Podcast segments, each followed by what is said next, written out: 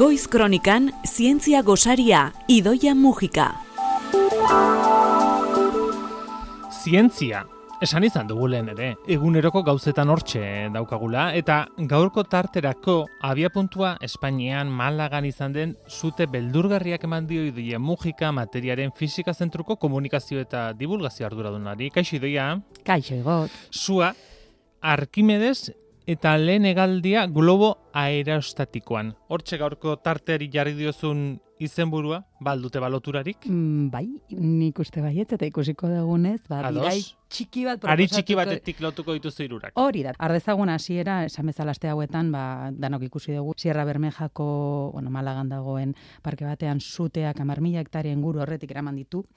Eta albisteetan ere ikusi dugu, ez? Sigarren belaunaldiko zu baten aurrean gaudela horraldaketa klimatikoaren Irakurri dugu lertu ez dakizen bateraino egin dugun. Bueno, ni irakurtzen egon naiz pixka bat eta teknikoki da ba, klasifikatu daitezkela suak eta batzuek dirudite seigarren belaunaldiko Mhm. su bat dela, beste batzue, ba, bueno, e, demorarekin ikusi beharko dala benetan zer pasatu dan, zer norainokoa dan aldaketa klimatikoak daukan influentzia, ez, horrelako su batean, argi dagoena su bortitza izan dela, sortu dirala, niretzat ez ezagunak ziren pirokumuloak adibidez, dela, odei klase bat, odei mota bat, non baldintza meteorologiko berezi batzuk sortzen diran, eta horrek ekarri ditzazken su baten aratago dijoa zen, ba, beldur batzuk edo edo behintzat kontu zibiltzeko arrazoi batzuk batipat su ekaitzak deitzen diranak. Hori da. Interesgarria gaia eta gomendatzen dizuet bilatzea ze artikulu asko publikatu dira eta nik uste ondo idatzita daudela eta eta merezi duela, baina neri nik hor Arkimedes ikusi dut lainoen artean. Zuk irudikatu dituzu odeiak e, zu bihurturik eta esan duzu, ba, hor arkimides dago. Bai, hor, eske beti ikusten detenean zerbait gora ateratzen dala airean eta egaz ateratzen dala,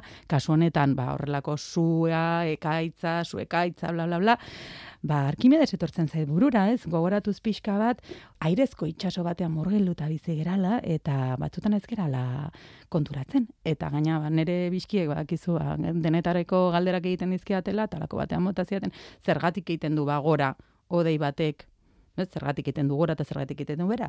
Da, bueno, ba, pixka bat hori esplikatu nahian konturatu nintzen erantzuna Arkimedesetik pasa behar zala. Orduan, bidai honi ekiteko gaina, kasualidadez, hau bai dala kasualidade hautsa, gaurko egun batez, baina duela urte mordoa, mila zazpireun da, laro geita iruko irailan emeretzi batean, Sus, bai, mongolfieran haiek Parisen, Versaillesen zehazki, lehenengo aldiz izaki bizidun bat aireratu zuten globo batekin. Ardi bat, oilar bat, eta ate bat. Txiste bat irudi, baina ez da. globo bateko lehen bidaia ezagutzen eh, dena izaki bizidunekin, mila zazpirun dela erogeita iruko irailaren emeretzian egin eh, zutela alegia, kalkulo azkar txamarrak aterata, oin dela berrunda hogeita emezortzi urte. Berreun da hogeita hemezortzi urte e, kontrolpean edo ulertu genuela zeintzuk diran baldintzat, ai, esaten gerana kontrolatzeko, ez? Zerk egiten du gora eta zerk egiten du bera, hemen ba bizi geran itsaso honetan. Hor, Josef eta Etienne Pierre Montgolfier anaiei zor diegu, Mhm. Beak, amasei seme alabak ziran, Jesus. bi ziran. bai, da ni horrela irakurri nuenean esan nuen, nundikan ateratzen zuten dirua, da, bueno, ba, ikusten danez, Aberatsa zirela. bai, aberatsak ziran, ba, paper fabrika bat zuten, hau ere garrantzitsua da, ze beraien lehenengo saiakerak, hain zuzen ere izan ziran, papera eskuragarri zeukatelako, eta halako poltsa batzuk diseinatu zituzten, eta konturatu ziran, airea berotuzkero, poltsatik gertu, eta aire bero horrek poltsa barruan, barrura egiten bazuen, Txakora altzatzen zela. Hori da, poltsa gora altxatzen zala, saiakera gehiago egin zituzten telarekin, eta konturatu ziren, ba, hor, bazegoala zerbait, ez? Eta aerodinamikarekin lortutako, eh, behaiek zientzialari bihurtzu ziren nolabait, baina beraien zientziarekiko gogoa esperimentazio hutsetik etorri izan, eta beraiek ikusitakoa azaldu nahi zutelako.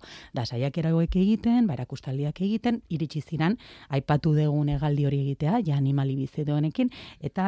Mila zazpirun dela erogeita iruko irailaren emeretzian. Globoz, animalia bizidunekin, baina animaliak hau ziren, eh? Ardi bat, oilar bat, eta ate bat. Bai. Irailaren emeretzian, Versaillesen Parisen, e, pentsatzen dugu garai hartan sekulako ikusmina ere egingo zuela, zerbait eh, gora altxatuko zutela eta egan egingo zuela jakiteak Hori da. eh, inungo euskarririk eh, gabe, bakarrik eh, beroarekin. Eta gainera arrakasta izan zen, ez? arrakasta izan zen. Beti izan- beti egon da gizakiaren e, Bai, bai, barnean ez? Bai Egan egaz- egitearena. egan egitearena. Eta hau ega- argi zegoen hortikan urrengo urratsa izango zala pertsonak montatzea horrelako mongolfier globo batean ditzen zirana hori hortikan gutxira gertatu zen. Zaroren hogeita batean urte horretan Pilatre de Rozier eta François Laren Arlandeseko markesa zana gaina bidaiari zituela egin zen lehenengo loturarik gabeko lehen hegaldi tripulatua Globon. globoan. Mhm. Eta horrek esan, horrek esan nahi du. Zu montatu globoan, globo ura askatu, eta ibili da, ja. Beharatz kilometro egin zituen Parisen, hogeita bost bat minututan. Zu pentsa zin izango zen, bentsat, ni imaginatze dut, horrelako, ba, ba gaur egun konpara genezake, ba, e, ez dakit, ba, es, espaziora irteten Bai. denean, eta ba, ba, aurrera doanean horrelako saiakera bat. Garai hartan ikaragarria izango zela, eh, lortu zutena, esan bezala Mongolfier eh, anaiek. Guzti hau esan da idoia guazen hasierara. Venga. Zer lotura dugu Arkimedes eta Mongolfier anaien aurkikuntzaren artean? Ba, bueno, gutxi gora berari gera esaten, ez? Sua medio behar dugu, airea beroa behar dugu, horrelako baldintzetan ulertzen badegu Arkimedesen printzipioa gai izango gera aurre esateko zerk egingo duen gora eta zerk egingo duen bera, hemen tokatu zaigun eh, atmosfera honetan edo mundu honetan. Orduan, erlazioa zer gaitian dago. Orduan, botako dizuet Arkimedesek esandakoa, fluido E, erori gabe eta harretaz entzun zizue. Badakigu gande goiza dela, baina neuronak aktibatu. Ea, zer dio Arkimedesek, gogora ezagun Arkimedesen printzipioa. botako, ete? Fluido batean murgildutako gorputz orok goranzko indar vertikal bat izaten du. Ustutako likidoaren volumenaren pisuaren berdina. Horrela esan da, zuk esango duzu. Ikasgela batean sartu naizela era bat, apunteak hartzen eta ulertu, ba, hortxe hortxe. Eta zer esan nahi didazu idoia. Bale, ba, era erraxago bate badago esplikatzeko eta nik uste danak ulertuko dugula. Zuek, badakizue, fluido batean bota ezagun ura erraxagoa dala, ze esaten detena. Airea, ba, bai, fluido bada, baina zailagoa dago ikusten. Bai. Orduan, zu urbaso bat balima daukazu eta edo zer gauza sartzen badezu, urbaso horren maila, urmaila igoko da. Egiten Da, bai. Zenbat igoko da? Ba, igoko da, hain zuzen ere, Hartzen duzunaren sartzen duzunaren volumen berdina. arabera. Eta Hori bai, ulertzen dugu. baina sartzen bat zeat ere, ba, ba, Bai. goraka egiten du. Hori ikusi zuen Segun Arkimedesek. zenbateko volumena dugu. eta, nire. eta bota zuen horrelako eureka eta historia hori Mhm. dano dakigu. Bale, Barkimedes konturatu zen, ur hori desplazatu izana, gorputzaren gain indar bat eragiten duela. Zenbateko indarra, indarra neurtu daiteke. Bueno, ba, justu desplazatu degun uraren pixua. Hau garrantzitsua da. Ze orain datorgakoa. Zuk volumen bat sartu dezu uretan. Volumen horrek pixu bat dauka. Bai? Aliberean ura desplazatu dezu. Ur horrek pixua dauka. Ba, uraren pixua baldin bada sartu dezun gorputzarena baina handiagoa, gorputz horrek gora egingo du. Zergatik? Arkimedesek esaten duenagatik, egingo dien indarra, fluidoak egingo duen indarra handiagoa izango da, pixua handiagoa dalako.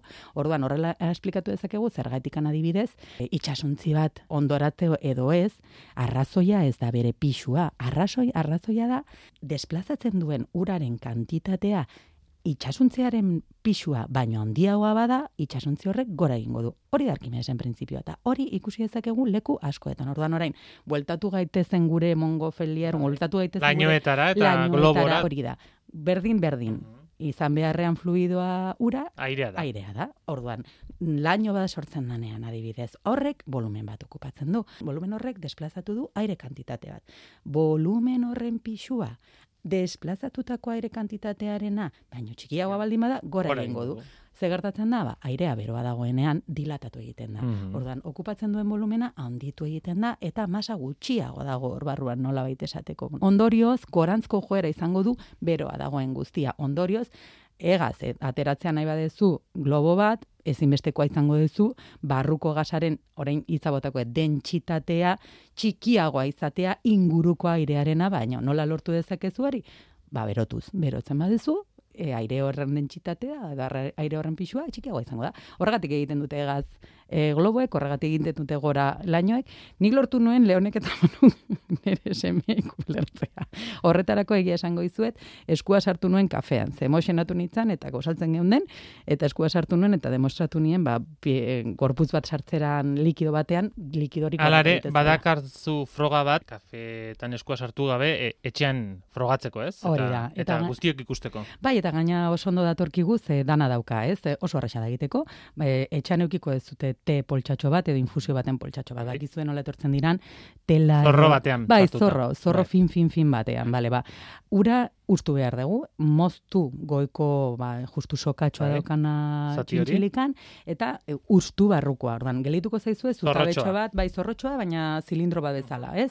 Jarriko dugu txutik, txutik e, saiatu kalean egiten, da, bueno, airea bada bilpa saiatu airerik ez egotea inguruan, aizerik ez egotea inguruan, eta emaiozu esua goikaldeari. Ikusiko dezue, erretzen da neinean, hasieran ez ezer pasako, baina momentu batean, gora egingo du sistema guztiak, hau da, sugarra, gelditzen dan zorroaren zatitxoa, gora egingo duela, zergatik, bai, patu deguna, sortu ditugun baldintzak, dira, hain zuzen ere, airea berotu dugu, beraz, airearen dentsitatea txikitu dugu inguruarekiko, eta momentu bat iritsiko da, non, gorputzorren joera, gorantzkoa izango da, arkimidesen printzipioa aplikatuz, ba, airea baina dentsitate txikiagoa du. Hori da, eta gravitatea bera gaindituko du, eta egazate aterako da. Oso polita da egiteko, oso erraxa, eta laburbiltzen du gertatuan guztia. E, Malagako zua, Mongofelierra... Eta hori askoz politagoa da, Malagako zuetan ikusitako zuekaitzak, eh, baina zalantzari gabe. Idoia Mujika, ze esango dizugu? Zu bai irakaslea, guretzat bai. hemen igandero, igandero, gauzak, zuzen eta behar bezala azaltzen. Ba, Disfrutatu gozariaz eta animatu horrelako esperimentuak egiten. Ba, orain bertan tea hartzen ari bazarete, ba, bak, zorrotxo bat hartu eta eta bere egin dezakezu, eh? Esperimentu hori. Datorren astean, amaiarri etorriko zaigu, baina tokatuko gara berriro idoia, eskarik asko. Zuei.